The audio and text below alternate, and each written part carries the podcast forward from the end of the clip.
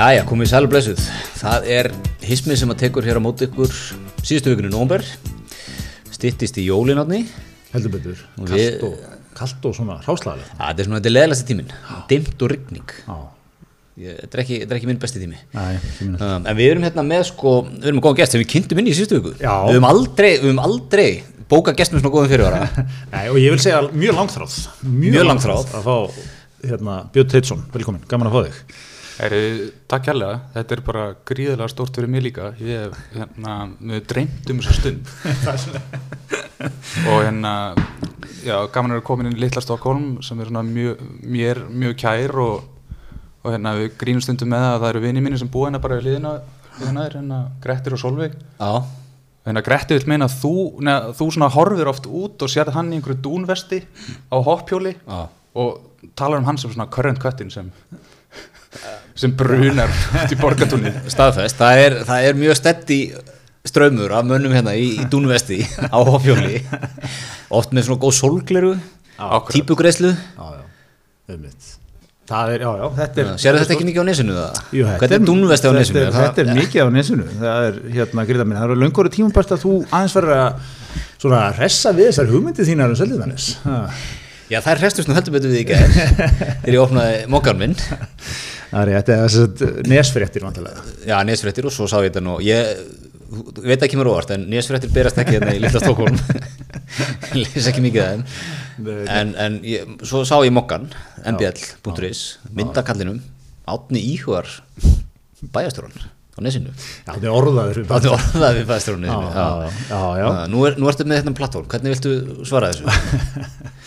Hérna bara hér og nú, setur við það spott Nei, ég hérna, að kom sko, að kom frétt í, sko, sem bara byrjum að að byrja, nesfréttir eru svona, þetta er svona eins og er í mörgum bæjum, svona lokal pósturinn, sko, prentaður út, ég held hans ég ekki online, bara yfir höfuð, sko, og hérna, og þetta er svona venlega bara mikið fréttum, þú veist, stemning í sundlauginni og gatnafrankvæmdi fyrirhugaðar og eitthvað svona, nema í fyrsta sinn bara efer held ég er svona grjótur slúður frétt, bara orðið á götunni, hérna, að eigan.is hefur verið stolt af þessu, sko mikið af nöfnum droppa þarna. Mm. hverju var líklegir í að þess að bæjastjórun alltaf er að hætta og svona fyrir að mikið af bæjaföldurum alltaf ekki gefa kostu sér áfram eitthvað svona. Mikið af nöfnum droppað. Það er farið svona yfir sviði, það er hverju er líklegri sjálfstæðismönnum, já, hverju er líklega að fara fram fyrir, fyrir samfélíkuna og reyndar verðum að, að því að það er nú góðinu þáttarins það er hérna mjög ómaglega sneið. Karl. Karl Pétur óttuði viðreisnar og að ég held hlustandi þáttarins tala um að hann sé, að sé með lítilstemning fyrir honum. Það sveið, sveið mann og svona sem já, jafnvel sem sko reykving þá Já.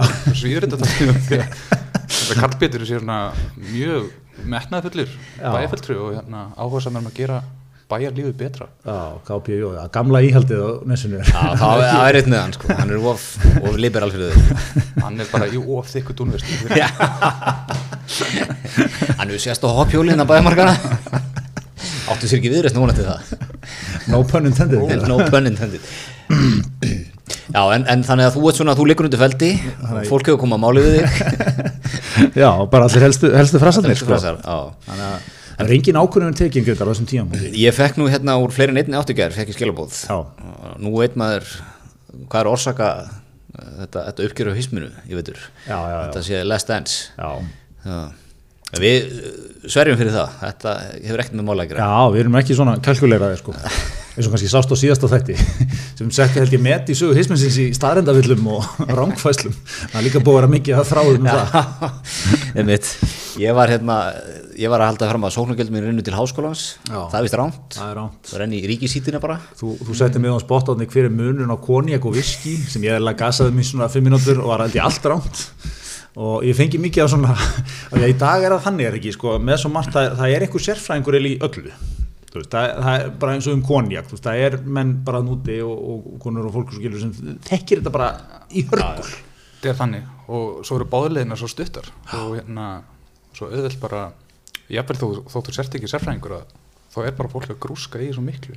Já, einmitt. Jafnvel bara að taki smá for, þú veist, það tekur kannski klukkutíman bara að lesi til Já, eh, ég er kannski alveg að tala um það ég, hérna, en kannski með eins og okkar kynnslóð Já, sem hérna er mikið í því að vera til þess með svona side gig og mörg áhuga mál svona Mhm. safna vínilblötum eða sem eru með eitthvað svona skó hérna þú veist, skósafnunar áráttu eða, eða hefur gaman að íþróttum einhverju tiltekinni íþrótt, jafnvel einhverju svona mjög förðulegri íþrótt eða jaðar íþrótt mm þá verða allir svona litli sérfræðingar í óstað mörgu það verða allir smá stereotýpur í því að vera sérfræðingar í mörgu og þetta er náttúrulega þetta var bara þáttur hjá hann að Aziz Ansari veist. Master of None. Já, þá er þetta bara tóltið á við um okkar kynslu það Já, get ekki sætt sig við eitthvað eitt eins og pappar okkar sem bara fengi einhverja vinnu í 25 ára og svo bara var það bara vinnan þeirra. Og menn voru ekkert að drusna í áhugamálum í áttunni, sko. Nei, voru ekkert með, þeir voru ekkert með hlaðvarp sko. típan hérna sem er pappas Asís, er það ekki papp sem því þáttur, Jú, það er er- pappans það er alltaf. hann er, hann er geggar, alltaf að lesa Economist alltaf að segja hún frá einhverju grein sem hann las það er geggar svona pappamúf sko. Svona, vissur að orkumáli í Fraklandi eru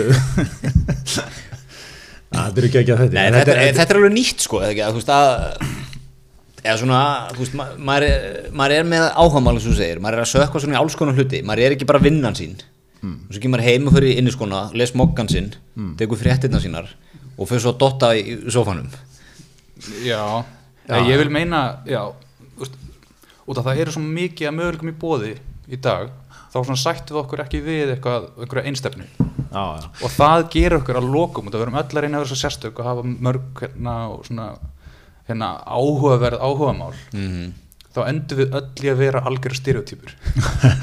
Nei, þú veist, öll Já, eins, ég held að ég veri hérna, fyrir kannski 10-15 ára úrslega cool að vera að samna vínilplötum Já. svo er allir að gera það það er ekkert sérstakt við það sko. Ég, ég veit ekki hvort þið trúið þess að ég hérna drekk IPA bjóra. Þetta er eitthvað svona. Ú. Ég veit Já, að er þetta ekki, sem það sko, vínirplatan er svolítið bara IPA-björun í dag. Já, klálega, ég er með þess að IPA-bjórn er orðin smá plate Já. Er það ekki? Jú. eru ekki komin hring? Jú. þetta er bara Jú, jú. svell jökul rýmað lag það er, er jú. málið. það er leiðin sko. það er þannig en hérna En svo er maður sko- alltaf líka sko að keppast við það vera ekki þessi gæði sko nei, nei, nákvæmlega maður er í vínuplötunum og svo er eitthvað einhverjur leikmenn komnir í þetta ég, ég er löngu hættur þessu vínuplötu rugli maður En ég, ég sé eins og sko pabbi minn, ef maður tekur hann bara sem dæmi, fættur í kringu 1950, þú veist, hann hafði, þetta, hann vann eins og berserkur og hafði síðan eitt ákvæmál sem er hlaup. var hann ekki skákinu eða? Já, hann hafði svona gaman að skáka, ekki samt sko, þú veist, hann var ekki hvert miðgutaskvöld eða eitthvað í, í skák með strákunum sko. Skilur, hann hafði hlaup og ég held að hlaupið hefði verið svona, þú veist, það er ekki sama og að fara út að hlaup í dag, sem er eitthvað svona, veist, að gýra, þú instar þetta aðeins það var mjög þetta, fyrðulegt þetta, sko. var, þetta var svona þetta var, þetta var vond sko þú, þú hljófst bara af sársöka sko þú hljófst bara, það var, þú bara, þú veist, það var kallt þú hljófst verið með hlaupasting allan tíman og þú veist, þetta var svona þetta var svona, svona sársöka hlaup sko. Það er ekkert svona ljúft við þetta. Nei. það er líka bara nokkuð, ég held að sé bara svona late 70s, early 80s á Íslandi sérstaklega, þar sem fólk er bara svona stunda einhvers konar líkansvægt svona fúsum og frjálsum vilja skiljið þið, það var ég ætla út að hlaupa. Þú- þetta var ekkert til. þú var skrítinn fram að því sko. Já, já. og Ég held það á bara. þessum tíma sko. svipu típa og myndi bara borða grænmeti með kjöt og kartöflum. Bara þú ert freka fyrirlugur þetta er, þetta er eins og við, við spilum allir korfólta reglulega. Spilum allir, allir í fertur, kringu fertut fyrir 30 árum sko meirins að þú bara varst leikmæri mestrarflokki þá bara hættur já, þú veist, varst bara hættur í nokkuð, ég er endar með hana sem þið kannist örgulega við, ég er hana í mokkaboltanum, svo kalluðin já, um, sem er hópur sem var stopnaður fyrir svona 30 árum örgulega, rétt upp úr 90, svona þegar Berlínamúrin er að falla og Sovjeturíkin að liðast í sundur.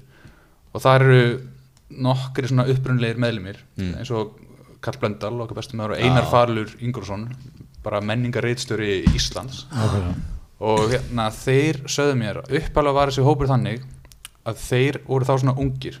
Þeir tveir voru þá bara þrítur og hérna, Jón Kaldal og einhverju svona mestrar og þá voru þeir að spila móti gömlum landsliðsmönnum eins og Einari Bollasinni já, ok. Sem var náttúrulega bara að lýsa NBA þá um helgar og, hérna, og maður leita á hann sem einhver bara gamlan jálk. En hann var bara 50 þá. Já, Einar Bólsson hefur verið gamall mjög lengi þegar hún segir það. Ég man alveg hann og Valdýr. Valdýr var svona unga spæsið hjá þeim. en einu bólur, hann er búin að vera hann er búin að líta nákvæmlega eins út. Nákvæmlega. Síðan í úrslutunum 91 Akkurat, hvað Bergur Eppi kallaði þetta eitthvað að hérna platóa. Þú finnur þitt lúk Já, já. gott að vera gaman Birgir Ármarsson reynda tók þetta bara 14 ára, Fa- fann sitt lúk sko. En hann er, þetta er, þetta er góð punktur með eina, sko, var hann að byrja að, hvena gefur, hann- gefur Jordan hérna lopapeysuna, hérna, 88, All-Star-leiknum 88 held ég. já, svo mynd Í á hann, það er, það er ekkit mikil breyting, Nei, ekki mikil svona til dagsdato. þá er hann bara svipa gammal viðurum sko. er hann ekki fættur svona 45, hann er bara, já, hann er okkar aldrei ég veit það Já, já, Já, þetta er, mér finnst þetta alltaf pínu skellur svo, þegar ég sé svona menn sem eru orðnir gamlir sko Já, hann að pappans einas áskels Hvað er hann, 36? 36. þetta er. Hérna, en þetta, þetta er samt iconic moment, hérna, Bollason að gefa Jordan íslenska moment. fyrir svona ymsa hlutasæki sko. bæði bara að gefa honum er svona, og gefa mönnum eitthvað svona frá Íslandi er mjög krútlegt sko. og líka vegna þess að þetta er sko hann, hann nær honum hann bara einhvern veginn á einhverjum sko ganginum bara eiginlega við búningsklefan. Þetta er mjög svona mikill gamli skóli þegar kemur allir svona öryggiskeslu og aðgengismálum og eitthvað. Mm -hmm. er svona nett nipp í hann bara á göngunum eða ekki þá er hann eitthvað smá viðtal. Og svo bara we want to. Hún er þess ekkert í dag. Nei. En maður sá líka í Last Dance sko, hann um Jordan og, og Bulls, hann öryggisörun sem var alltaf, sem var alltaf að spila við. Greið, kallinn. Hann var svona sjötur, leit út fyrir það. Já. og var nú ekki svona mikill bóur sko, menn hefur nú komist í gegnum hann. Veist, maður sagði þetta ekkert í dag sko. Nei, nei, nei, nei. að, það, þessi sjarmir farin úr öllu. Já, já, já. En einn okkar, okkar fremsti NBA svona gonzo bladamæður í dag, Jóhannes Átnason sem kollegi minn á Jáslögmunum þeir náttúrulega fóru og tóku upp hérna, tóku viðtal við Lebron sko. Hann og hérna Dab Film skallið minn, þetta var sínt á stöðu sport hérna, sín tíma. Og hérna og það var sko það er, það er gegn dæmið það er mitt, þú veist, faraði svona í gegnum sína aðdraðandana því sko. Og þú veist, fá ekki viðtal, ekkert enga viðtal bara að fá að vera, þú veist, einn af hérna, hundra blaðamönnum sko. Og hérna og þú veist, bara lýsir í hvað þetta er, þú veist, ókýrslega lengi að komast að honum og þú veist, allir í kringum hann sko. Þetta ekki ná þessum mómenti aftur sko svona eins og Einar og Jordan hann sennilega ekki. En þetta er til á YouTube fyrir þá sem að uh, vilja sjá sko. Já, Jóhannes Nær held ég að gauka á hann spurningu. Það hljóma mjög, mjög vel sko. Já, tók hann svona, hvað tók hann aftur? Var það svona klassísk, Lebron, hef ég hört of Æsland Já, eitthvað svona, we're, we're from Iceland, do you have any messages? Þetta er eitthvað svona og hann er eitthvað svona slæran í hönd eða svona, svona slæra á höndina á honum svona I'm all out boss. Á hann að, á hann að rappi sig upp sko, á hann að búinn sko. Já, kekja Það er líka til einhver heimildamind sem ég sá bara fyrir tilvílunum hérna, þegar Arsenal vann Liverpool 89 á Anfield. Stór, stór tífum átti mínu lífi, en ok. Já, já við erum alltaf saman í þessu sko. Hérna, við erum hérna þegnar Sólhólm og, og allt það. Þetta, þetta var svona pivotal moment fyrir mig sko. Ég, ég var svona smá Arsenal gæludýr í mér sko. Já, ég skil. Þarna fann ég Liverpool hjartað.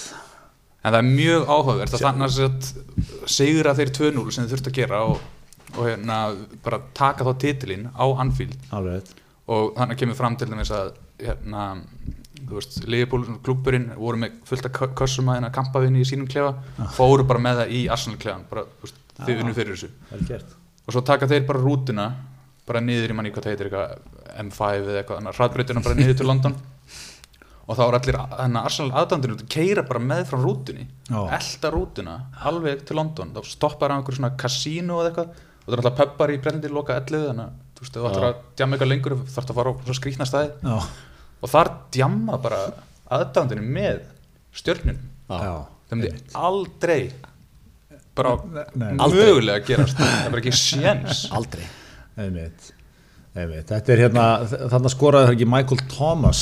Jú, jú, sem spilaði svo fyrir okkur. Já, við keypt, hann var keiftur síðan held ég bara strax um sumarið til Liverpool fyrir alveg einhverja fáralega fjárhæð á þeim tíma sko, gat síðan ekkert í Liverpool. Já, svona, já, hann hefði mátt svona vera eftirminnilegri. Já, Æ, þetta voru, voru stóri tímar. Ég er náttúrulega bara svona króniskur fyrirlitningasvipur á grittarinn og tala um mennska boltan alls ekki, alls ekki bara, þeir eru flottir. Það var gott að var í hátegisrættum í gær. Og var er að tala um hérna Óla Gunnar Solskjær og hérna hann er að fara og þetta var í helstinu í mm. útarsrættum, brott er að lesa. Og af hverju er þetta frétt? Hann bara tók þetta. Nei, Jú, það bara svaraði mér Þorgett Gunnar af hverju er þetta svona merkilegt? Já, ok, tók hann þetta? Já, já, en að Þor, að Þorkell þurfti að segja bara, já, þetta er nú mjög vinsælt hérna á, á Íslandi og annarkveð maður fylgist mjög grann með því sem Í- gerist í ennska boltanum og Gekkjaði gamli skóli Já, þetta er mjög gott. Af hverju er þetta merkilegt? Hvað Turuspark. Hérna, Hvað hérna náttúrulega gæðin sem var í 60 minutes alltaf með pislana í lokin Andy Rooney. Andy Rooney, hann, hann sagði þetta frá því hann hefði tekið þegar Kurt Cobain dó þá tók hann einhvern pistil. Um hvað í anskotanum skiptir þetta mig máli einhver gaulari þunglindur í þokkabót og leðilegt hvað þetta fór og allt það en í- a- af hverju er ég að lesa um þetta í öllum miðlum mm. Svo ég held að ég sá pislinn síðan eftir á það er aldrei, aldrei á æfisinni fengið jafn mikið heit sko Einmitt. og viðbrögð þetta er svona, einmitt, það sem er fyrir einum algjörlega ómerkilegt er, er náttúrulega alveg bara uh, risastórt fyrir öðrum sko Já, já, þetta er, þetta er svona ángjáðsu, er þetta frétt fingurinn sko? Einmitt. Komandi frá virtasta fréttamanni þjóðurnar, það var hann alltaf tólið stórt. Já, finnst það, finnst það góð stunga á Þorkel Erfitt, þú ert ekkert undirbúin fyrir þetta Þú ert búin að vera, já, Solskjær byrjaði fyrir sinni í Molde. Búin með eitthvað svona klárt sko.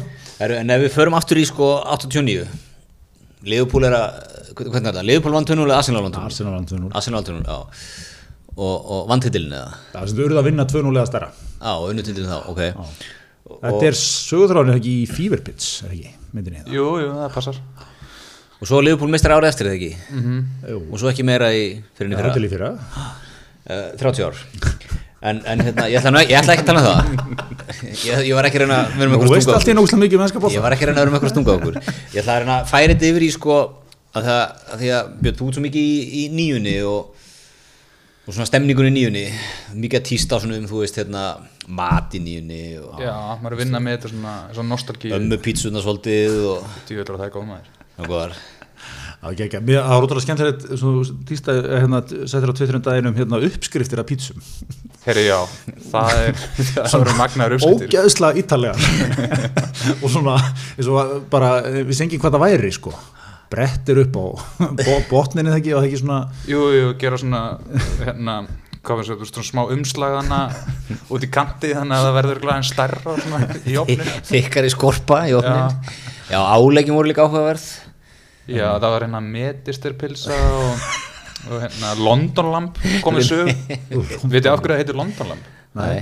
Það var hérna, hvað heitir hérna Þau myndist eitthvað á sild og fisk um daginn Þorvaldur Já. í sild og fisk.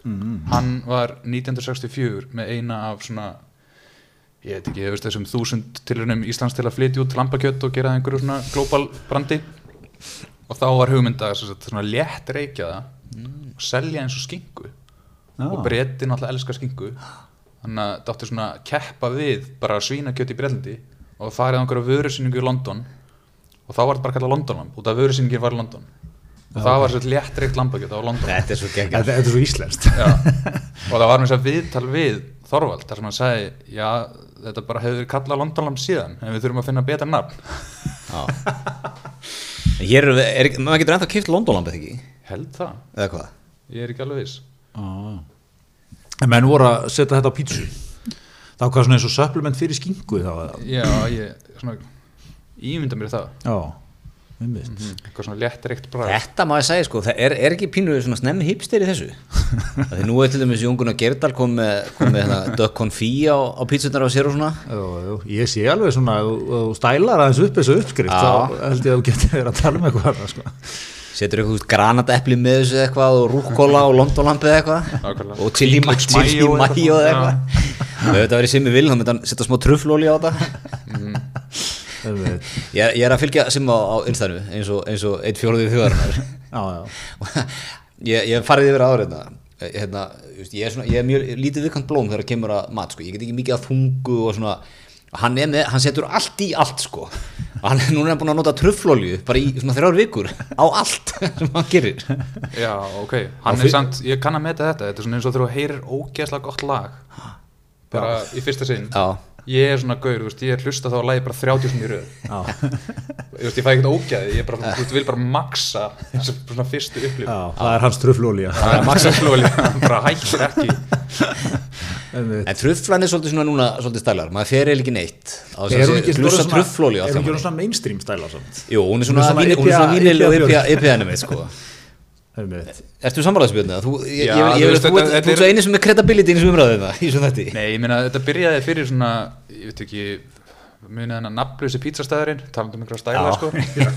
Það er hérna, þar voru ótrúlega góða svona osta franskar, ég veit ekki hvort þið munið eftir þessu. Já, ég er bara gerist ekki svo frægur að ég, ég drakk bjóra á þessum stað ég ge- gerist ekki frægur að borða pizza þarna. Já, ok, það var eiginlega best rétturinn það kostaði ekki neitt, kannski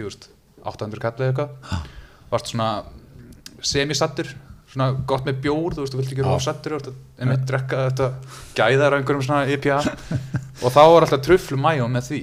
Það var alveg, þá var þetta komið til mainstream, alltaf þetta mæjó sko, og oljan, og það er vist svona síðri afurðir, þá er notað eitthvað veist, einhver af, af, afskurður af já. alvöru draslinu.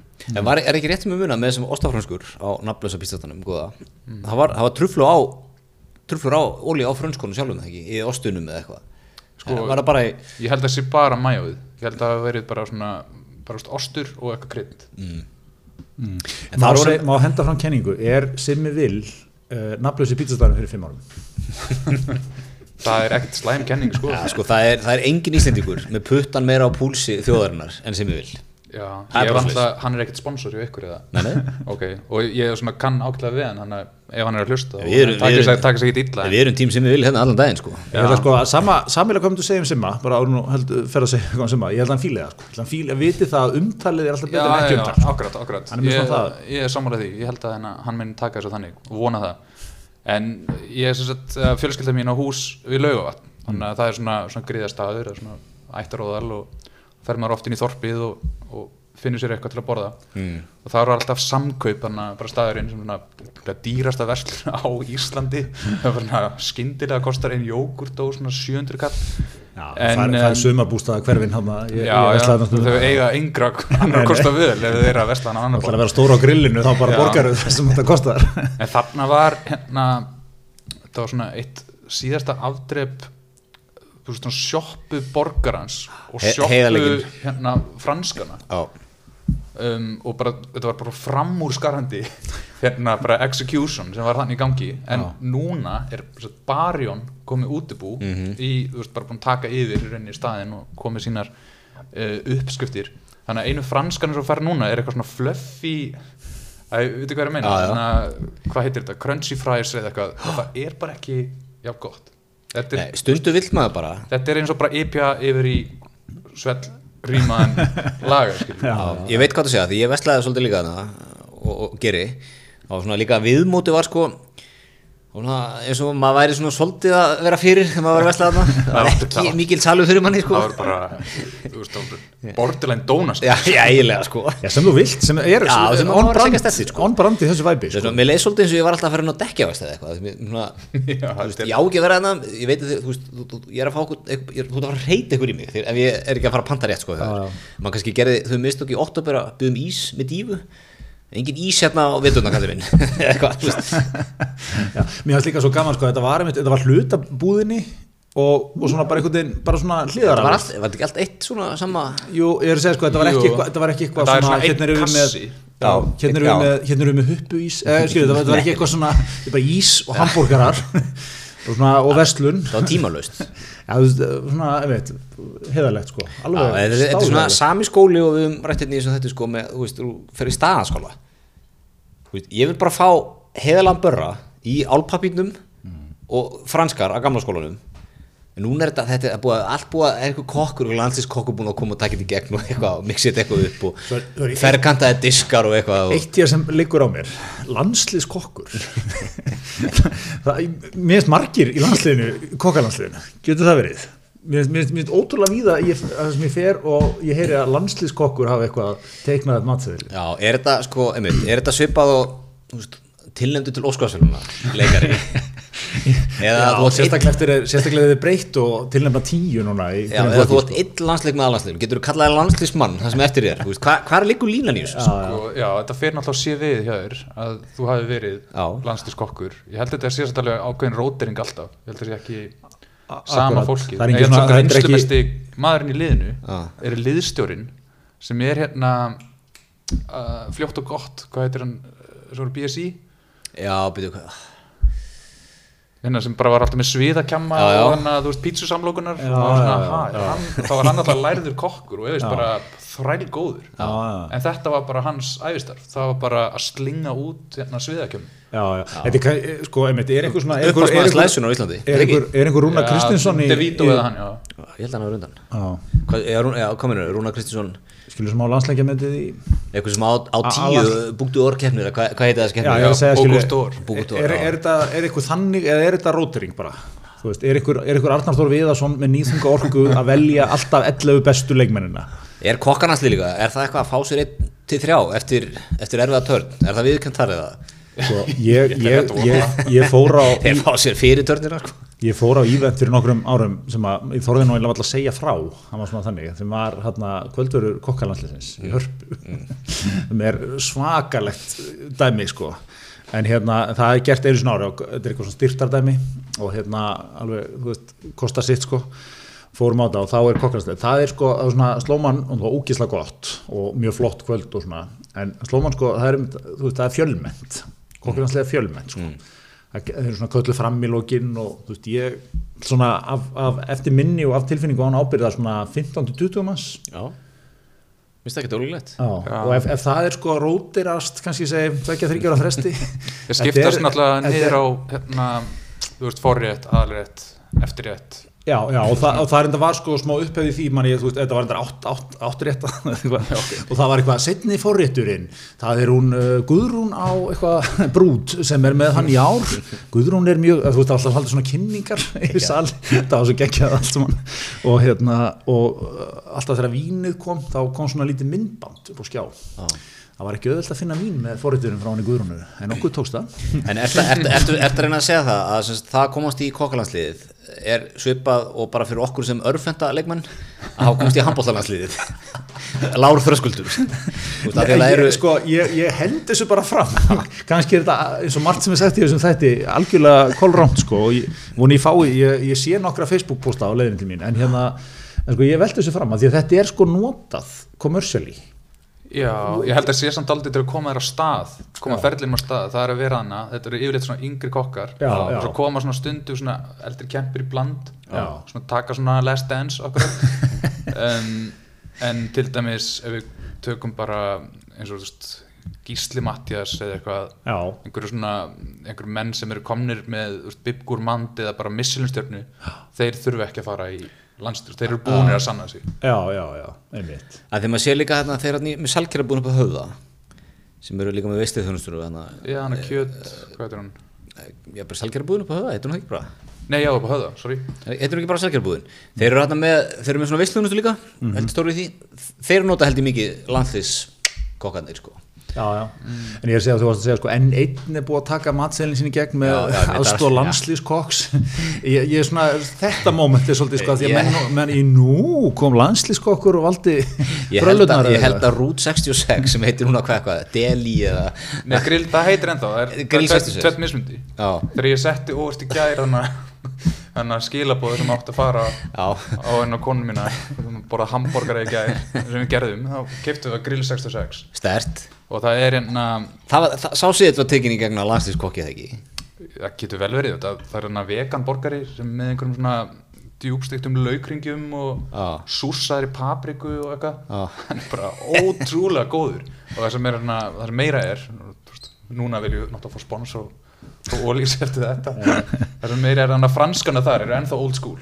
Það er bara, bara stránkæðilegar sjópufranskar Ok, það sem þú ert að segja mér núna. káltirsósa og það, það sem þú mér núna er mikið kartöflurkrydd svona, svona, svona þjættalið þú veist, puttarnar upp alveg svona rauðir eftir að og bara gamli koktellin já, akkurat. Það þú ert að segja mér núna þegar, pappi, það er þrótt hjá pappa hann þarf að fara í hambúrgata tilbúið fyrir fjölskylduna. Hætta þessu stælarugli fara bara upp á Dalbrut Ég mæli Fyrir- með þessu. Henna, og þetta er líka bara góðu verði sko. fjögur skall eða eitthvað? Já, fyrir fjóra? Örugglega ekki meira. Ákvæmlega. Þetta er, ég borði þetta mikið sko á Siglu. Það er nefnilega það er, hérna, það er þetta grill 66 og ben, Bensari. Var öruglega svona menningar miðstöð bæðinnes líka Já, þetta- já, og já. hennan þessi fjárfestingu. Já heimamæðurinn finn mikið þetta ennþá sko. Heimamæðurinn er ekkert að Marakos allar daga sko. Hann, hann er á bensinstöðuna sína. Og þegar maður er búinn á skíðum kannski svona þrjú fjögur á Rock Solid að detta eitt, eitt burger á ben, bensinstöðinni sko. En, en Wallis hefur sko tekið alls konar dýfur í þessu sko, þeir voru náttúrulega með Quiznos hérna lengi. Sem svona, ég, ég skildi aldrei alveg, náði einhvern veginn aldrei flugi, samt mjög svona matarmiklir bátar, svona, þú veist, eitt Quiznos var eins og á í sko þrjá söpvið eða eitthvað. Kvistnús að gegga koncept sem náði ekki flugi. Var ekki execution eða eitthvað vittlust já, betur þau voru líka með þú gæst keift eitthvað svona heilan fleka það var risa stórt Já, sem var já. skipt í þrjá bita eins og söpvið með tvo. Já, Já, það var ekki þannig? Og þú veist og það var svona þú varst sattur á af- ofsattur á tveimur. Já. ekki nósattur á einum, þetta var ekki þannig. Svo var hérna, sko, svo hérna var kannski greiftist óheppil inn í þjóðarvitundina líka Quiznos vörumerki að því að, þú veist, muni í hruninu hérna, FME og annari hæð fyrir ofan Quiznos en alltaf, þú veist, þegar BBC kom hérna á CNN, sko, myndir að utan. Alltaf bara kvistnus Ég var nefnilega var í skyndibita bransanum þegar Kvistnús opnaði. Það voru ári mín á BK þegar Kvistnús opnaði á sögurnarsbrutinni mm. ég fór mikið að það. Alls konar skipti til á svona fór mikið að það og Kvistnúsin þegar hann opnaði var hrikalega sterkur sko. Það kom, var feskur andla þetta inn í, var- inn í markaðin það var stórt sko, það var svona Little Caesars Já. þegar það opnaði, Já. það var bara röð hana í skeifunni. Já. aldrei svona mikið fólki sem var ekki inn í bíl sem var í það var Little Caesars. Pizza pizza, það, það var alltaf bara á þeim. Kuttu hérna, fá hérna fría, eða? Ekki? Já, var ekki bara konceptið það var konstið Já, já, sem ýmsir hafa nú tekið upp, sko. Svo var ég náttúrulega líka að vinna á BK þegar Papa Jones opnaði á grænsansviðinum já, okkur, ég held að ég hef ekki eins og náð að smakka það það var, það var stert sko það var nú reyndar ekki bestu pítsur í Nei, Ég er líka, pappan var í mættu núna í, þeir væri búin að loka núna, hann er Pappa John sjálfur sko, hann er eitthvað skepna í bandaríkunum, það er búið Nó. rýbranda þetta að það er er búið rýbranda þetta. Já, ég held það sko. Ok. Þetta er eitthvað, eitthvað mjög mörg málur, eitthvað mjög langan tíma. já, já, veistu hvað það heitir í dag? Er, Já, nú heitir þetta Papa Jones, en ekki með sko ég. Vá. var það alltaf í framtíð? En það var búið að fjarlæga sig frá, sko, þegar hann heitir eitthvað John. hvað er er tekið Þetta er svona, ég held að þetta verið 10 miljónir dólara sem að menna að tekja á þetta. Mikil svona hugmyndavinna. Já Mjög, ef við, sko, ef við förum aðeins down that road, sko, það, svo er náttúrulega, það er náttúrulega margir komið hérna á, inn á, á pítsuleikin, sko. Wilson komið hérna sterkir, eru þeir hérna einhverstað ennþá? Nei, nei, Wilson er mættið til Simma. Kifti gæðin það, sem, neða, gæðin sem að er kallaði Wilson mm. ég sé hann að hann alltaf takkandi ykkur gæði sem heitir Wilson og var gæðin sem stopnaði Wilson held ég, pizza já, ok, var Wilson bara íslenskt eða? já, já, Já, já, ok. maður fekk alltaf, maður er svo, maður er svo mikil sökkar, þetta er eitthvað keðji að koma. Þeir voru, ég man bara eftir, þeir voru með mjög ódýra pítsur, hérna, seldu mikið í hruninu, það var svona, fólk að svona, hérna, með tight budget, kaupi bara Wilson, og pínlítið pepperoni. Pepperoni var bara Já, já, pínlítið. en það er svona eins og þegar, man ekki, byrjuðu ekki samtalið á þessu með þennan ömmu pítsunar já. Já, Þú veist, litlu pepperoníin á Já. ömmu pítsunum einmitt. það var svona mitt eins og gateway drug í sterkan mat Já, það er minn alltaf þegar þetta early 90s þú veist, það var ekki til jalapeno eða það er ekki til eitthvað sem heitir hot sauce eða, eða það er, það er ekkert fersku chili út í búð það bara var ekkert til þannig að þetta var svona ef þú varst að panta pepperoni pítsu þá var alltaf einhver sem sagði, ertu viss? Mm. mjög stærst eða ekki? Ég er bara, mér verður illt bara að heyra þið tala um þetta, sko. En förum maður maður aðeins hérna grípið það þegar þú segir bara. þetta mitt gateway inn í, inn í sterkar mat sko þegar kannski ekki allir sem vita að þú ert, þú ert einn af fórsvarsmönnum, ég ann chili Já, sem er, sem er, sem er félag áhuga manna um, áhuga fólk sem sterkar mat. Já, þetta byrjaði náttúrulega bara mjög sækleislega og það er hérna Þóruð Gunnarsson hagfræðingur, við núna á sín hann, við tengjum svona mjög sterkum böndu bara í gegnum aðdáðan okkar á, á Chili Já, og stopnum þetta, þetta er bara Facebook-hópur mm. og, hérna, og það var, voru bara 20-30 vinur okkar í þessu og vorum að halda svona viðbyrðið þar sem kannski fara hérna á bandtæ og borða svona sterkustu réttina þar Mm. og allir að fara í svona chili vímu og eitthvað leis mm. En svo hérna, ef við tökum hérna hina hlið peningsins á Simma, þá hefur hérna Jóhannes Áspísson samband við okkur einhvern veginn í vor að þróa nýja pítsu. Og ég veit ekki, þú veist eh, þetta er svona Larry David hann í körbþættinum þegar þú farið samloku því líkur heiður bara eitthvað fá við okkur eigin pítsu. Þannig að við erum alltaf meirinn til í þetta mæta hann á svona þrisa fjórusunum og svona þróa bara uppskritt á hérna mm, okkar drauma eldsterku pítsu mm. og hún heitir í ansýliðið ekki, eða hvað? Jú, hún heiti það Já. og andlitin okkar er alveg munstruðan út um alltaf einhverjum svona. Það er alveg, alveg smá hérna vandræðilegt Já, já, og þetta er sterkasta pizza á Íslandi Ég þóra fullir af það, en þú getur náttúrulega með pítsu eins og allt annað Já. Þú getur alveg svindla, þú getur sett einhver svona hot sauce bara í, eða í staðin fyrir já. og gert eitthvað sem er náttúrulega bara rótstert en þá semi óætt en þetta er sterkasta pizza á matseli Já, þú veist, hún er líka bara með ferskur hofni, með veist, ferskum piprum og sem eru gríðarlega sterkir svona ghost pepper og, og svona naga jólókja Hvað er hún á, á Schofield skalanum? og þessi ghost, Schofield. þessi, þessi ghost pepper um, og hérna og það er einhver, já, Carolina Reaper líka sem var sterkasti pepper í heimi Mm. og getur farið í svona einu og hálfa miljón skóil Mm. en svo öll pítsan ég þarf ekki að segja, þú veist, gerir þetta eins svona mildar sásökan Mm. en ég myndi giska á hún sé alveg einhverstaðar millir svona 20-50 þúst skóvil einingar. Það er- heitir þetta, já. já, það er svona næstu eins og maula bara svona rauðan chili, þú veist, eintóman. Ok. Þurfum við ekki að fara að prófa þetta? Já, ég náttúrulega sko ég, ég er rosa kísa í, þegar kemur að hérna svona sterkum mat já, sko. ég held, þú lætir þetta bara í friði sko. Já, það er svo leiðis. Já. En, en sko, hvernig, svo ég fá hann að spurja svona meistaran í þessum fræðum, ég meina, getur maður sko byggt upp þóli í þessu? já, klálega, klálega þetta er alveg já. meina, þú, þú varst 100% þannig ömmu, ömmu pítsu pepperoni var alveg að býta á sínum tíma, skilur, Já, já. ungur Teitsson var alveg að finna fyrir því. það var alveg stert og en svo, jú, þú bara byggir upp þólinn sem allt annað Já, og hérna, fyrir svona daldið í taugunar mér hvað, það er búið að tengja þetta svona það er svona karlmennsku hugmyndum veist, eins og að borða hákall eða eitthvað, að þetta sé bara eitthvað sem kallar gera, svona borða eitthvað stert og vera þá eitthvað matsjó, þú veist, Já. það snýst ekkit um það. Þetta er ákveðin svona upplifun og, og svona fagfræði í þessu viljum við dotti meina allavega og fleiri. Og þú ferðarlega svona, þetta hefur svona hugbreyndi áhrif. Mm og þú ferðarlega svona niðurtúr svona sem kemur svona hálftíma eftir að þú ert bara á hæ, í, í, einhverju vímu sko, þetta losar um svo mikið af endorfínum. Já, ok. þannig að gott að vera eins og á bandtæ búin með svona tvo singa bjóra. Já, svona til að dempa höggið sko. það er að deyfa. Þannig, ég ætla núna, ég ætla að gera það misjóni hjá mér og hérna, vegferð, ég ætla að fara með í vegferð. Ég ætla að kenna þér að borða sterka mat. Það, þú er með mér innan handar Björn, og svona ráðlegum mér, ég fæði ringi í þið svona. En nú er ég að fara með strákinu og gefa honum að borða, hvað er ég að gefa honum að bandtæk hvað, er- hvað, er- hvað er ekki sterkur ég líkur líka, í. það sem ég líka pínlítið gaman að greiða hvað þú stillir allir inn upp sem eitthvað mjög sterkum mat hérna, sér það ekki drekkur ekki kaffi og... Já, nákvæmlega. Já, Byrjaði á því. Góttu svo með kassan út og var að kenna mér eitthvað.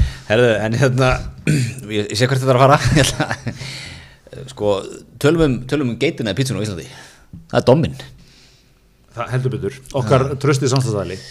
Mér hefur nú staðið af því við erum að nefna að það, eru ímsir sem hafa komið inn á sviðið og verið þar, jafnvel, sterkir í nokkur ár. Það var margir hægt að fella kongin en það er eitt kongur.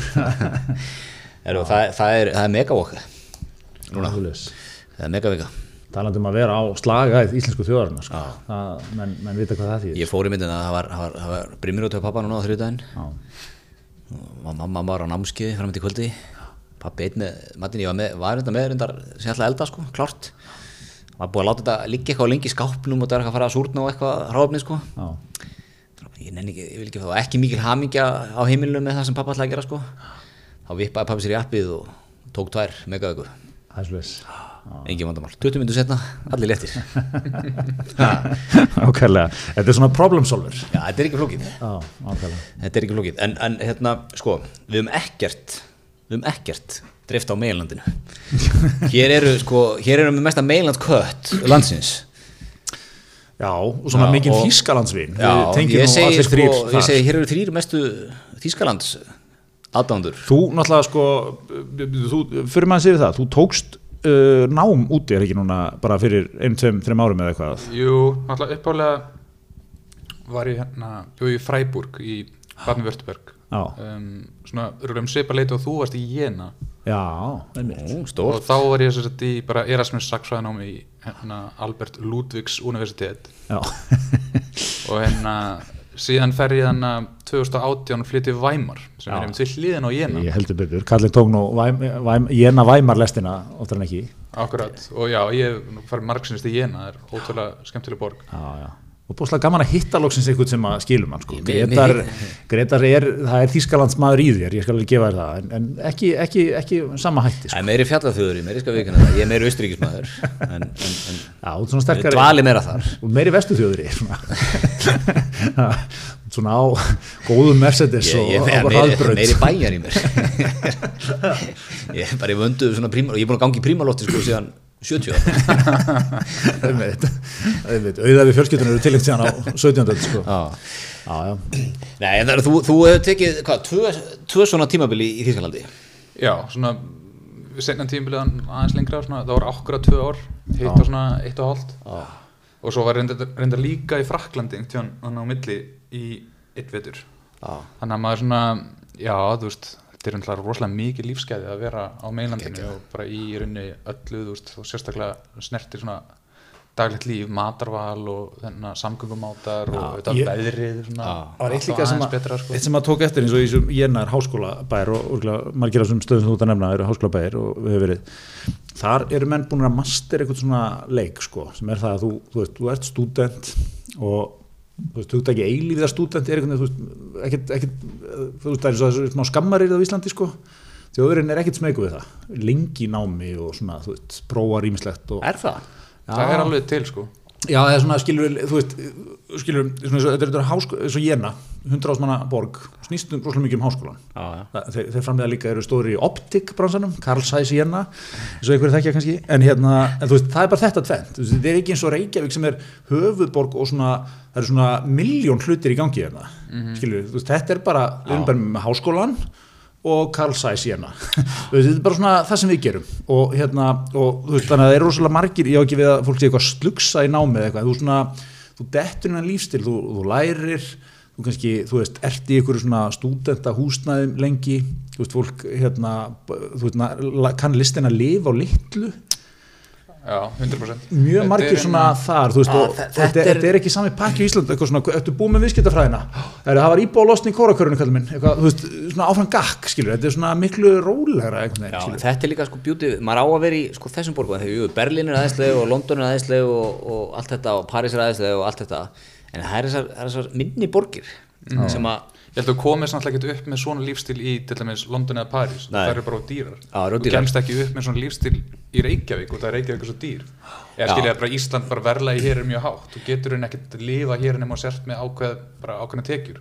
Já. En þarna, þá getur þú bara lifað mjög þægilega, já, bara ein- eins og ég segi, bara á mjög litlu. Eftir Já. að þið borgið leigu, þá getur sko par lifað bara mjög, bara þægilegu lífi á svona 700-800 eurum á mánuði. já. Ég veist, ég er ekki að grínast. já, já, já. En svo er líka sko með minna, London, París, Róm, Berlín, allt þetta, þetta er alltaf verið eins, þú veist, það eru sömu búðir í þessum borgum, það eru sömu veitingastæðin, meiri þess að fine dining stæðin er allir konur í eitthvað keðjur og opnaður í öllum þessum borgum, þú veist, það er svona hægt og bítandi að Já, verður svona monotískara svona monotískara, þetta er svona- er svolítið eins og sko, þetta er alltaf langt frá því en þetta er svona svolítið að stefni það átt sko að þú, þú fer okkur á sólaströnd, eitthvað tilbúin bæ þú skiptir hvort þú séð Portugal, Spáni, Gríklandi, Ítalíu eða hvað nú er sko þú, veist, Já, en 100% þú ert bara sko. einhvers staðar að, að, að, í sól að glussa og strönd Mhm. Þessi bæri er náttúrulega mjög mikið bara skipulega svona upp úr 1950-60 eins og Benidorm og allir þessir ferðamannastæðir á Kanari en mér langar samt að segja með Berlín hún sker sig hans úr þetta, hún Já. er ennþá svona sæmilega ódýr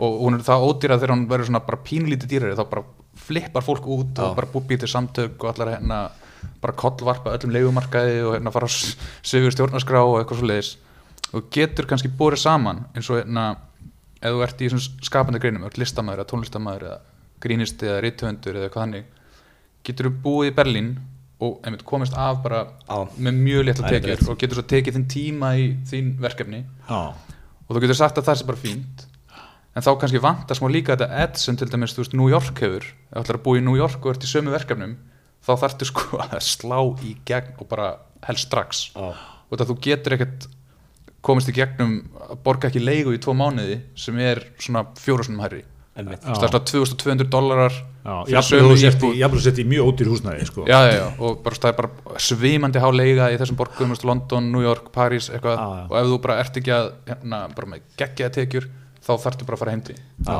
Berlín hefur alltaf viljað halda þessu svona. Einhvern orð Berlín eða Berlín er búin að tala alltaf um Berlín sko sem armabur sexy. Já, fátakan, fátakan sexy sko. Þeir vilja halda þessu væpi sko sem er svona opposite við munhjörn sem sem er rík. En ekki, ekki mikið sexabíli Já, svona öðruvísi sexapíl. Já, svona, þú veist svona það er ekki- er ekki mikið rár svona sexabíli munhjörn sem, að- sem að Berlín er þekkt Ok, sorry, þetta er ekki skipulagt En þetta er samt hérna Þetta er samt ekta, við talum um svona reppa frá munn hérna Frans Beckenbauer Keisarinn, það er orðið fræg saga. Hann, lét, hann fekk sem svona sér númer. Hann fekk að, að velja númer bara hjá T-Mobile. Eitthvað svona farsíma númer Bara veginn in the 90s Og að sjálfsögðu út af númer á bakinn hans var 6 Þannig að það var eitthvað svona 6, 6, 6, 6 Og svo var alltaf verið að ringja eitthvað svona graðið menn Það var svona eins og eitthvað svona klám síma Síma lína Já, ok. mjög mikill vísenn að reppi þar sko. Já, svona, það er svo mikill sko það er svo mikill old money bæjari í, í honum í keisaranum hann er svo valda mikill sko. það er fáranlegt Já, meina, hann á þessa borg. Þetta er bara svona Edmund Stoiber sem var svona bara aðal maður þannig í 30 ár. Hann bara ráðfæri sig við bara Já, Já. Beckenbauer. Stóibir var einmitt sko kanslara efni þegar ég var hana í Jena sko fyrir hérna já, þegar. Schröderinn var hann að Já, Surötter vann hann. Surötter var svona bleristi svona ekki, svona, svona nýja kannski alveg að blitríkur en nýja Já, svona jafnaða það var manna líka samt svona mikið svona veist, býr í, býr í Heidelberg eða Freiburg eða eitthvað væpi honum sko. Það var svona samt ekki cool current sko. Svona, bara heiðalegt svona millistjættar lítil borg. Gerard því hann, var, hann var samt svona karismatik sko. hann, var, hann vann þær kostningar held ég á því að Stóiberinn var alveg sko grár og já, svona, hann var enn litljusari það var svona bara eins og endur skoðandi að bjóða sig fram sko. en, en svona einmitt mikill, maður fann það sko, hann var búin að vera fo- þú veist það kallast fossatisar á þeirra í þessum síslum sko. hann var búin að vera það í bæjarinn bara mjög lengi Já, sko. bæjar er náttúrulega löngu búin að krakka þetta. Hvað, hvað heldur að fá okkur kött sem er eitthvað rekur þetta rétt með núlið, svona svipa á nesið ekki vera neitt körrent þar. Einmitt. Ekki fara hann einu sjarma þar. Nei, nei, einmitt. það er út að segja að ég þurfa að finna svona endurskoðandan í mér ef ég, ef ég ætla að taka slægin hann finna bekkinbáðurinn í þér. Já, nákvæmlega. ekki fara þennan bler leik sem var svona hlust á blur og Oasis og eitthvað mætan á britt veluninn og eitthvað. gerði hann það? Já, já, það. Er alveg til einhverjar bara heimildamindir um það hvernig hann nýtt Já, já, í að búa til þess að nýju þriðju leið. Já, og man ekki hvort hérna, veit ekki hver Brian Cox er þannig að vísinda útskýrandinn ekki leikarinn í Succession heldur, sem er með svona vísinda þætti já, já, hann er svona veist, með doktor Oxford og var að vinna fyrir CERN í Sviss og eitthvað. Kemur ekki alveg fyrir mig. Já, hann var hljómborsleikari í hljómsveitinni bara svona mid-90s sem átti einkennislag um, verkamannflokksins þá Já, sem heitir hérna Things can only get better. Munið ekki eftir þessu? Já. Já, hann, þá var hann bara já, on the keyboards. Ég er að fara að lóðmynd til að hlusta á þetta lag 30 sinum þetta er geggja lag sko.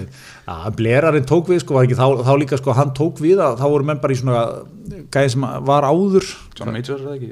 Já, John Mendes var fórstæðisraður fyrir íhaldmennina hann hétt, man ekki, Neil Kinnock eða eitthvað, það var, Já, það var bara eitthvað svona, það var eitthvað svona gæi sem var bara sko svona 20-30 árum eldri. Það var bara alveg upp í svona grjótörðum svona verkalýs sósialisma þú veist bara, Leibor var bara með svona ennþá stefnusgrunni viljum að þjóðnýta. Já, ég meina hafið séð, hafið séð gamla myndir og myndbönd frá Breitlandi svona 70 eitthvað.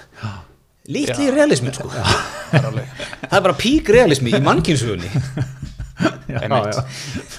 menn allir í verkföllum og eitthvað. Svona- og en þá svona öll húsin svona sótuð vel, vel sko. Þetta er bara já, já. djúpur þungur realismi, það var engin skellilegandi þá. Já, en svo komum við bleir og svona restu upp á þetta allt saman og var þeirra svona, var þeirra meiri business svona típa, sko, Já. var þeirra, hann var alveg svona alveg viðreistnar svona, gerði þess að ímynd líka að þessum kalda realisma gerði hann aldrei sexy. Já. þú veist að það er cool að vera breskur og hafa svona veist, vera með hennar svona, svona, svona töff svona hennar mentality Já. Í þér og, og hafa svona gengið í gegnum ímislegt og vera frá einhverjum verkamannabústöðum en svona já, vera samt með cool klippingu og Já, en svo, svo eldist hann sko, hann lítur út eins og vondikallin í Bond núna. Blair Já, það er ekki séð nýlega myndir á hann Jú, jú, jú. Eitthvað í einhverjum nýjustu hérna, skattaskjólsskjólunum. Pandora skjólunum Pandora skjólunum, já Herðu en eitt náður við höldum áfram. Skjóð, yfir að skjóta þinn Alltaf blerið sér ekki kolgetmaður eða? Allan daginn. Hann líka upplýsti þið sko held ég þegar hann hætti. Hann hefði átt við sko hann, hann hérna, var búin að venja svo það þegar hann fórsettur að fá sér alltaf eina kvítvinslu sko Á kvöldinu? já held ég bara síðdeis hætti að drekka og eitthvað. Já. það held ég að við reynda á kolgetin svolítið sko kannski er langur, síra lang, langur dagur í því langur dagur í þinginu. Glussar í sig einni, einni hérna Chablis. Þá þartu rólsinn til að vinna á sírun þá, svo eitthvað dinner um kvöldið þarftu sko, ég myndi segja charcoal alveg sterka meðferð sko. Já, heldur að, heldur að það eru að mættir það Ég, ég var einmitt að sjá sko, ég ánæði með því, við erum alltaf að vera körrent þekki það. Charcoal er svolítið körrent í dag. Hef Ég prófað þetta samt sko. um daginn. Ég, ég nota þetta tankrem, svo er, ég að sjá að snirtu eru konar með þetta. ah, okay. Það er allir, allir allt alvöru, alvöru örumerkir komin á charcoal-vagnin Já, ég prófaði þetta um daginn, ég var svona ég hoppaði ekki alveg lestina. Ég er ennþá í bara, þú veist, að tankrum verð hvít og litin. Þú ert ekki eins og komin bara í mynduna Þú, Já, jú, jú, þú veist, maður alltaf bara, þú, ert bara, bara pustatennunar í Breitlandi 1978 spáði þér samt, ok, ég ætla að taka það fram. Ég dyrka að vera svona í verslunum, bara í maturverslunum, í stórmerskuðum það er ótrúlega gaman. Og oft er ég bara í hagköp í skeifinni, það er bara upp á stöðunum á landinu, ég get verið þær í svona 45 Ég mínútur. Er með þér, ég elska að vera bara, þú veist, bara skoða einhverju vörur bara, hæ, sigur í þessu, eitthvað svona. En þegar það kemur að tangrimi eru þið eitthvað að stoppa og svona að skiljið, er, er djúft á valinu? Ég meina maður horfir bara á Colgate Já, hvað er til? ég, já, þú veist, ég hef bara verið á Colgate vagnum lengi sko. Colgate og svo svona hvað það kostar? Já. að, þetta er á 304, eitt er á 309 tek þetta, Jú, ég er ennblega sko, ég er pínu svaka fyrir myndunni ok. Ég vil svolítið hafa mynduna veist, hún, en eitthvað svona white, whitening eitthvað Já, eftir því sem er eldri þá verð ég meiri þá er ég fyrir að horfa meira á, Já, á við, við kaffisvelginir þurfum það whitening sko. Kólin eru þar. Kólinn er það líka. Það hjálpa þér, já, já, já. já, já, já, heyrðu þetta er stórgott. Hérna, en við náttúrulega glemdum ég er að fatta, við glemdum að kynna þig svona í byrjun. Við vorum samt búin að vinna mikið í því hérna, við vorum mjög við ætlum að kalla það sérfræðing hjá skipulastofnun já, það, það passar. Og það er svona, það er svona við erum búin að fara yfir nokkrar ástriðu þínar hérna. Mm 90s pizzur, NBA nákvæmlega, hvernig hvernig hlustun verða hana það er bara skellur fyrir ykkur. Meginlandið. Og svo náttúrulega er að skip, þú Já, ert svona sko, við, tengjum þetta allt sko. þú ert svona þú ert svona urbanisti Íslands. Sko Já, svona eftir Gísla ekki? Gísli Martin er svona, þú veist mainstream ur- urbanistinn þú ert svona, þú ert ertu, svona með, ertu með á náttbúrunu mynd af GMB á hjóli. Á Copenhagen hjólinu. Ég get alltaf sagt sko svona hvað ég segja, þú veist, saga okkar Gísla Martins í einhver, einhvers konar ástriðu fyrir þessu er alveg svipuð. Mm. að hann er náttúrulega útkværast strákur eins og ég. Veist, ég er úr grái og bregðaldi líka.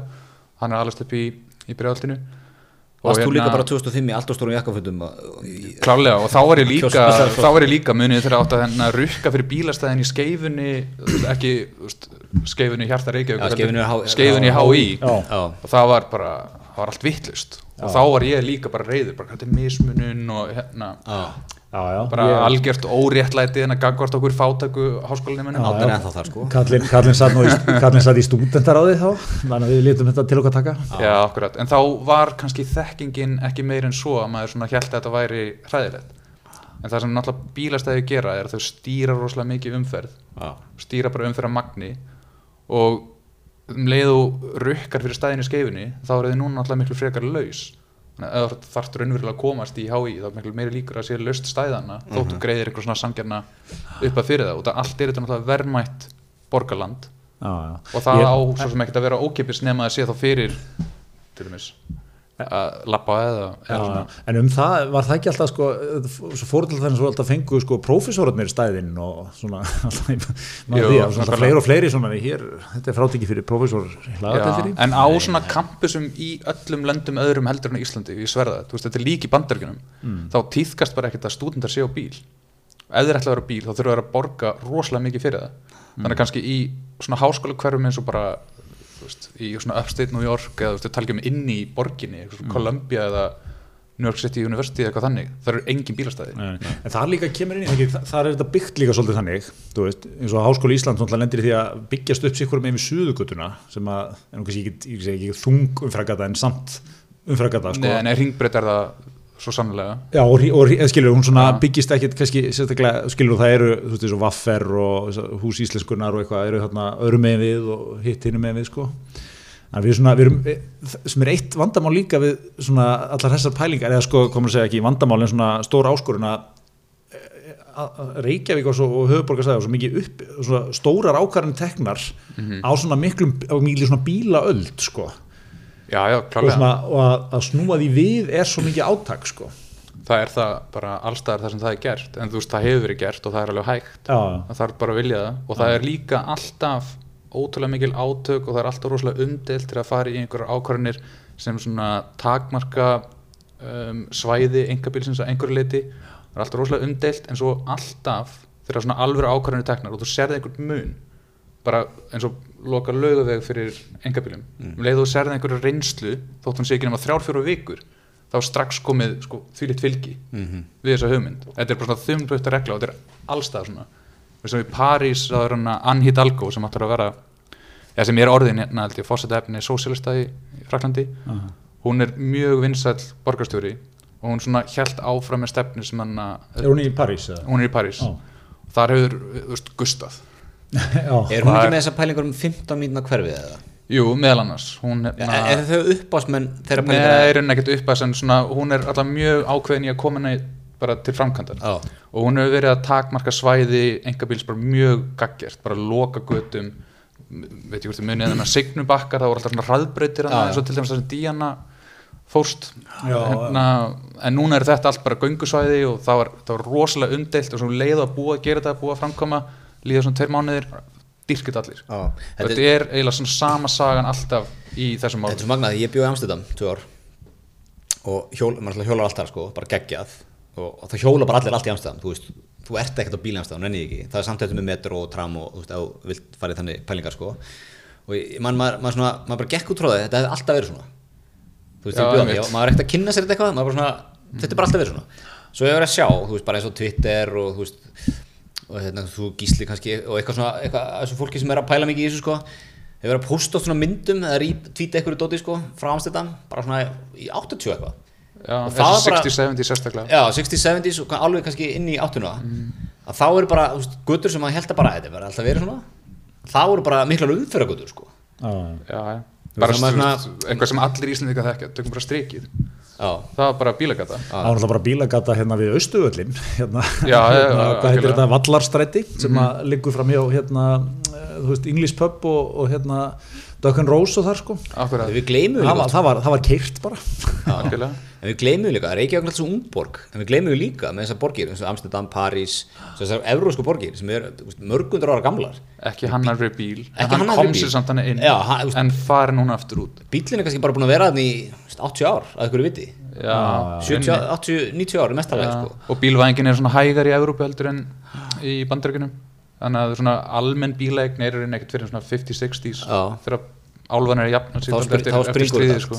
allt. og þá er einhvern veginn allt hann að, þú veist, ef maður svona gleymið sko, að bíllinn var ekkert alltaf þarna Nei, en þetta var náttúrulega framtíðin, þetta var bara þessum skipræðsfræðingar þess tíma Já. litu bara á þetta, þetta er bara náum, þetta er bara the apex af bara hérna þróun mannkins það er hérna að geta komist mellir staðar svona. En síðan náttúrulega serðu að það er miklu hagkvæmar og skilvirkara og það sem kemur síðar í ljós býr til bara meiri svona lífshamingju að vera í tengslu við annað fólk, vera í tengslu við umhverju sitt. Og þá er bara komið aftur að þessum faramátum sem hérna, við vorum búin að uppgöta sem eru bara reyðhjól og lestir og almenningssangur og náttúrulega lappa, lappa er það er nýja Það best, sko. er það ekki, svona menn alltaf vera sterk, koma sterkir inn í dag á rafbíl. Það er svona, já já. Hann tekur náttúrulega saman plássið sko, Já, það er, tekur- það er það er, Það það það, sko. betra að labba sko. En mér finnst þessi, mér þessi rafhlaupihjól vera eitthvað mesta snild sem ég hef upplifað. alveg finnst þau alveg breyta, sko. breyta leiknum svolítið í þessu. Og það kemur á óvart, þú veist, ég er svona vann mat hérna hver áhrifin eru mikil. Já, það er rosalega mikil um þessu körfi það er bara rosalega mikið einhverjum millistjórnum hérna í borgatóni og þeir bara hoppa inn á milli. Það er bara miklu skilvirkara og þægilega Miklu. heldur en að vera eitthvað dröslast í bíl eitthvað býð eftir hann hittni og meina, það er bara, þetta er, þetta er svo mikið snild já, þannig að fólk er í alvegurinn að fórna bílferð fyrir eitthvað sem er miklu Svo- og, og, hérna, og tekur miklu minna pláss. Svo það sem maður átt að sjá sem, að, maður átt að á þegar maður alltaf er bíl. Við erum svona talað þegar við erum að við hjólustundum við erum svona reyndar í svona millistjórnandi hjóluröðum, spandegsjóluröðum eitthvað hérna. En ég hjóla alveg slatta nýri, sko, ég er, ég er hættur að kera inn í bæ. Ef ég þarf að fara eitthvað nýja bæ, það er hættur að kera ég annarkot hjóla eða tek hérna, skullu. Og maður áttu að segja að borgin er miklu minni en maður heldur. Miklu minni, maður er miklu fljótar að milli staða já, já, en maður heldur á hjóli eða raskullu algjörlega. Þegar maður er ekkert sérstaklega mikið fljótar á eiginlega bara, maður er örugglega lengun í bæ sko, á bíl. Ef maður tekur það maður þarf að leggja og Mhm. býða og, og labba svo og komast á staðin þú veist, maður bara annarkoð hjóla maður eða raskullan, leggur beint fyrir utan læsir þessu inn. Já þær eru, minnst, það er, þær eru að breyta leiknum svona meira en maður held sko. Það er, það er mikil snill sko. En þetta er einmitt sko, með þetta allt saman og vil ég bara svona leggja alveg miklu og þunga áherslu á það þú átt aldrei að reyna að seima fólki eitthvað svona að hætta að keira eða eitthvað þannig. Mm. þú frekar alltaf að undirstrika okkur hvað þetta er þægilegt, hvað þetta er skilvirt Já. og Reykjavík er henni, hún er minni maður heldur þegar maður svona fer að hjóla þá svona tekur eftir, já ok, maður er bara ekkert lengi þú veist, úti í bústæðakari Einmitt. eða, hérna, eða bara hérðan út á nes þú veist, þetta er miklu stýttir en maður heldur þannig að bara undirstryka hvað þetta er auðvelt þráttur þetta megi auðvitað vera miklu betra Mhm. og þú veist, það er svona það sem að kallar, veist, þetta er náttúrulega eins og snúa við flugmóðskipi að hérna, færa alla borgin í þessa átt og innviðir eru óþægilegir eins og fyrir þessar hérna, rafskútur eða rafleipahjól með alla þessa kanta og ein, ein hugmynd sem ég sá að þú settir einn sem fram sem mér fannst ógeðslega skemmtileg sem er það að, að reyna sko hjóla stíga væða sko frá flugvellinum til dæmis. Hérna sem sagt kemlauguflugvelli Já, ég var nú ekki með það sjálfur en ég hef alveg séð, það er náttúrulega byrjað að einhverju leiti frá þannig að vógum held ég. Já. sé alveg komið með frá ströndinni. Og svona lengri vegalendir Já, í hjólastíðum náttúrulega vegagerðin er með eitthvað átak allar að allavega reyna að tvöfalda kilometrafjölda hjólastíga á landsbyðinni já, og ég held að milli svona ákveðina svæða þá er þetta algjörlega borleggjandi Já, ég er bara að segja sko eins og bara segjum Reykjanesið, bara ef maður myndi horfa í það og kannski eitthvað inn á Suðurlandið. Já, hvað er þetta, þú veist, 40-50 kilometrar Já, Reykjanesið er eitthvað svo leiðis, eitthvað svo leiðis vegalend og svona, þú veist ef maður horfir langt fram í tíman, ekkert ólíklegt að byggðin, ég menna, vellirnir eru einhver útpústur núna og klálega vogar eru bara vogar að stækka stækkar og, og þú veist, ég meina, þetta, þetta mun allt lí, lí, svona einhvern veginn smá saman svona leggja saman sko, að vera með bara þú veist, einhvern einhvern svolítið sterka hjólreiða hérna innviði þar. Og líka með fyrir þú veist túristan sem kemur hérna bara, Já, ég var náttúrulega með þá pælingu með hennar- Suðurlandi er- út að ég fór því, hérna tökum hérna Austuríkismannin hérna hann Gretar, þá ég fór ekki skíðaferð til Austuríki sko, ég fór hjólaferð Mm. fór með fóreldri mínum hérna, við konan og satt, hjóluðum frá Passá í bæinn Mm. til Vínar. Ú, og þetta er svona 350 km og tekur svona 50 km dag cirka þetta er draumur. Ég, ég mæli svo mikið með þessu og þið getur gert það með krökkurum, þetta er ekkert mál. Þetta er allt náttúrulega flatt bara meðfram veist, árósnum og, og fer ekki einhver svona vínhjöruð og getur fara að smakka og veist, aldrei það mikið, þú getur bara að halda áfram að hjóla og veðrið að gegja og fara svona vindi í, í vangan og það eru fullt af þjónustu sem bjóðu upp á. Þá bara farið við lána hjól og hérna skilur bara eftir farangur í hverju hóteli. Mm. svo er honum skuttla á næsta gististað og það er svona búið að kortleggja þetta allt fyrir bara alla vikuna. Já, Nú, svona það er alltaf bara- já það er bara alltaf svona bara fín svona bed and breakfast eða hótel. Já, það er svona alltaf morgumatur vakna svona átta hérna, farið er eitthvað að finna morgunverðar hlaðborinu, einhver egg og djús og hérna svona, býr til smá orku. Svo bara 50 km alltaf komin á næsta stað svona upp úr hátegi mm. kannski með einni áningu einhver staðar svona kaffisópa Já. og einhverjum hita kemur hann upp úr hátegi það er svona ískaldan bjór Aldrei, aldrei og verðskuldar hann er svo verðskuldaður og þetta er svo góð tilfinning. Svo ertu bara einhvern veginn njóta þess að skoða hérna, nýjan bæ alltaf hérna á hverjum degi. Og láta svona þreytuna líða úr sér og svo bara aftur, þetta er geggjað sko. og þetta held ég að við getum gert eins og Suðurlands undirlendinu já, já. það sem er svona tiltölulega veðursælt svona miða við Ísland og tiltölulega flatt líka Já, já. þannig að ég held að þetta er risastór tækifæri þannig Mm. og þetta er líka sko, þetta er mest vaksandi grein innan ferðamennsku bara í heimi Já, er ég, ég, rattúrismus. ég, ég held líka bara svona fyrir marga að þú veist, ég veit að er ekki jafn mikið mála og kannski maður heldur en þú veist að þú ætlar að hjóla í dag eitthvað hérna út á land úr bænum þú veist, þú ert, þjó, þú ert bara í vegkantirum á þjóðveginum shit, það er bara og, og þú veist, ég, þetta er þetta ekkert skilur þetta bj- bjarga sér allir og allt það sko en, en það er svona intimidator fólk sko. Þú veist, það væri svo miklu skemmtilega að það væri bara stígur sko. Algjörlega. Og maður náttúrulega bara finnur til með þessu fólki sem, Já, sem gerir þetta á annar borð þannig að þessar útlendingar sem eru með einhver risa bakpoka og, og bara þvílít hugur ekki sem hérna býr þarna inni en, en ég held að séu, emitt, þetta er bara óplæður akur tækifæri þannig. Ég held alltaf að, ég fæ alltaf líka tilfengar að þeir hafi svona ekki alveg átt að segja á því þessir útlendingar. Þeir Nei. hafa til Íslands mjög kyrlátt ég held í hjóli bara, það getur ekki verið mikið umferð þarna. Landflutninga bara flöta á þig. Já, svona hasitir eða Íslendingar liggur á, lifur að komnir í Íslendingur með tvekja hásninga hjólísi sitt á leiðin leiðin á tjálstæða og glusa á sig. Leðina barjón og lögavanni Einmitt. og bruna sko, það er það lítil virðing borin fyrir, það er ekki svona hægi ásar og 50 þegar það er hjólur hann það er aðeins Já, hana. svona bölvar allavega helviti hressilega Herðu, en erum við gátnir nokkuð þéttir bara? Herðu, heldur betur. Hérna, frábært að hafa þau, langþráð svo ég segi það aftur. Ha.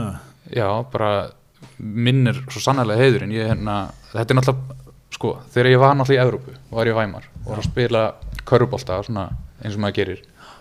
Og kannski svona æfingu á kvöldin og svo strax eftir æfingu fór maður alltaf að fá sér svona kefti alltaf svona tvo Ágústínir svona ískalda svona þambar einn. Og svo lappaði alltaf með einn svona rólega heim Í- í- og hlusta, hlusta á hismið þá var svona, þá voru þið með mér alltaf í andaðin þannig að Þetta er risastórt. Var hann svona í stórri glerflösku? já, þessi 05 Já, Já, bara kallaði, hann er bara kallaði Gústi þetta er bara þetta er þjóðardrykkur bæjara. Bara tvæmal gústi. Málið dött. Þetta, er, þetta er stórt og við lökum alltaf til þegar sko, Björn Teds- Björn Teidsson Travel fyrir að hendu pjólaferðum um Austuríki og bókar allavega okkur tvo hérna strax. Það eru tvær fyrir hér. Herðu, takk fyrir okkur